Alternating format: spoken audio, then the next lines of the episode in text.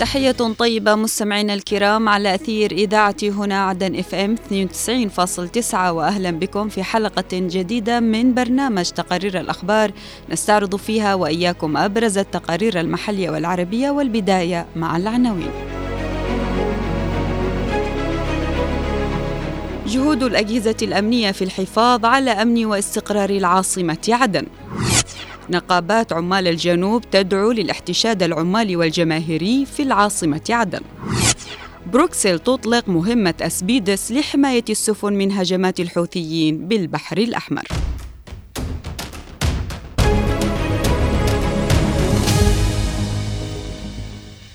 تمكنت الأجهزة الأمنية في العاصمة عدن من ضبط نشاطات لعصابات إرهابية تحاول المساس بأمن واستقرار العاصمة من خلال بعض المخططات التي تهدف للسرقة وترويج المخدرات والمتفجرات كل ذلك لزرع الفوضى في المجتمع الجنوبي.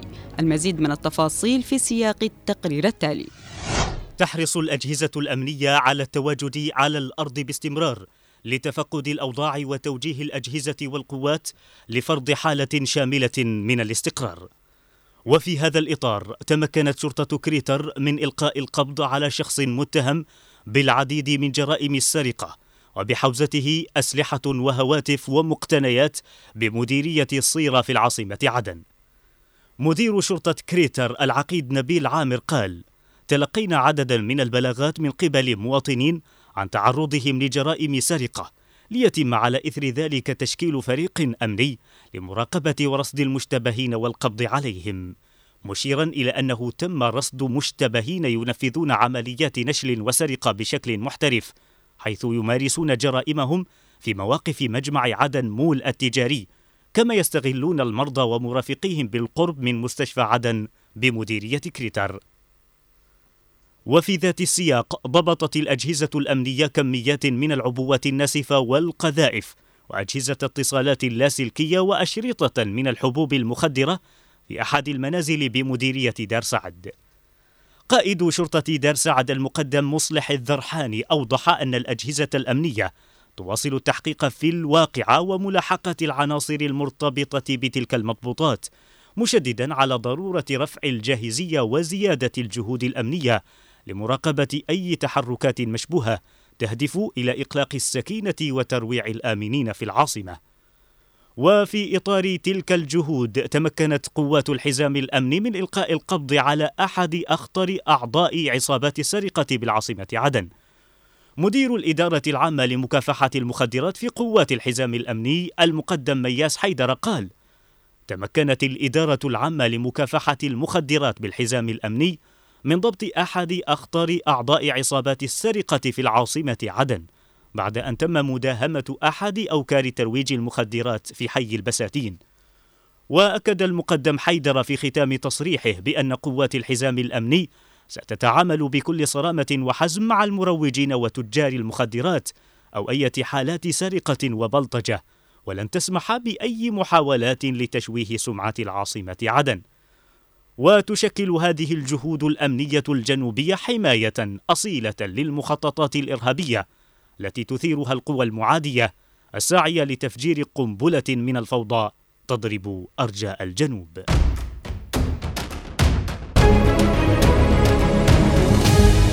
دعا الاتحاد العام لنقابات عمال الجنوب كافة العمال والموظفين في سائر المرافق والمؤسسات للاحتشاد العمالي والجماهيري مقابل بوابة القصر الرئاسي بمنطقة المعاشيق الاثنين المقبل لفرض الإرادة العمالية والجماهيرية وإلزام الحكومة بتنفيذ التزاماتها.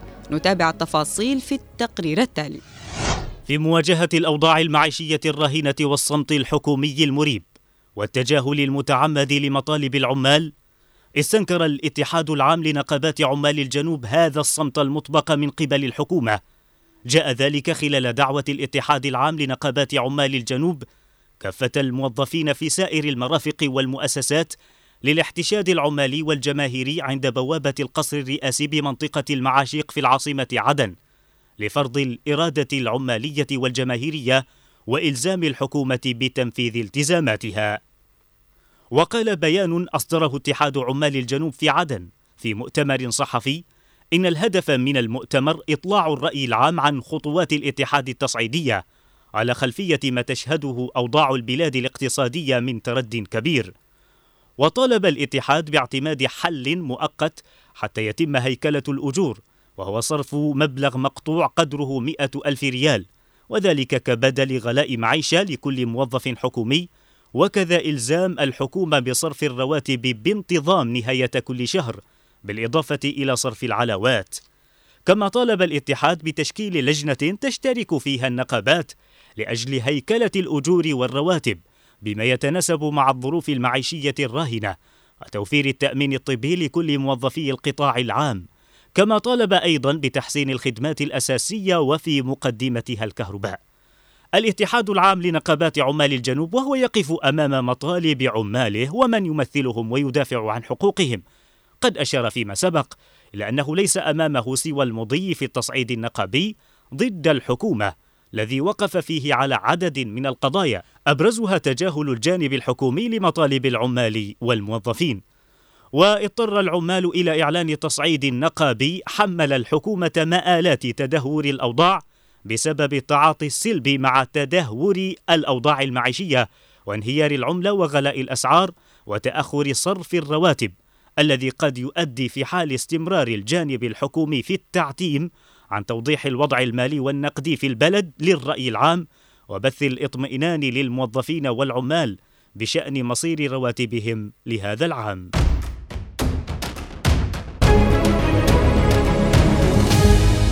وافق وزراء خارجية الاتحاد الأوروبي يوم أمس على نشر مهمة بحرية تابعة للتكتل لحماية الشحن البحري من هجمات المسلحين الحوثيين في البحر الأحمر.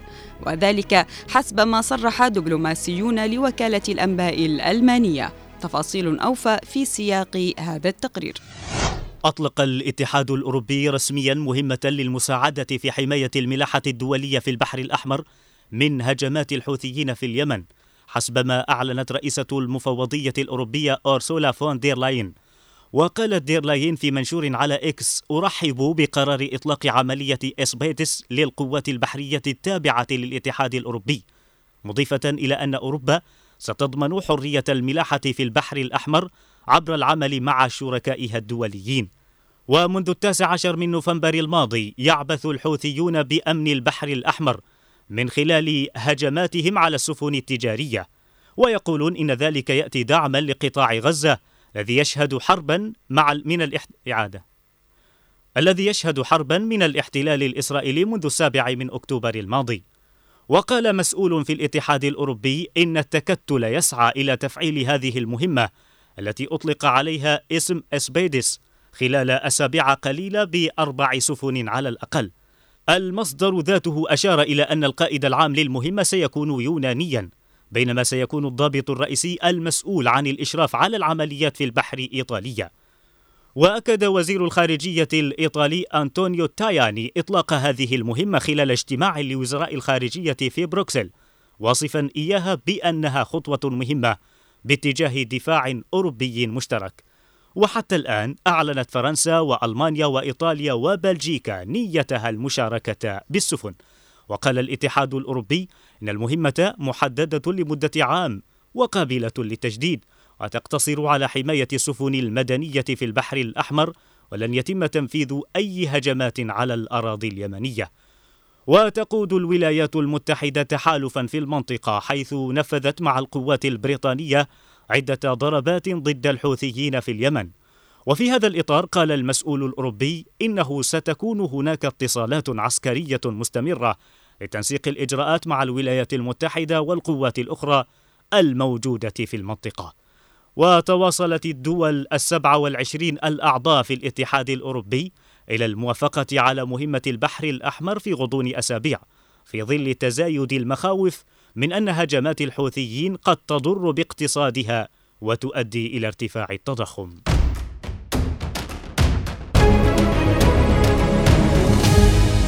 مستمعينا الكرام إلى هنا نصل إلى ختام هذه الحلقة من برنامج تقارير الأخبار. كنت معكم من الإعداد والتقديم عفراء البيشي ومن الإخراج نوار المدني أطيب التحية. إلى اللقاء.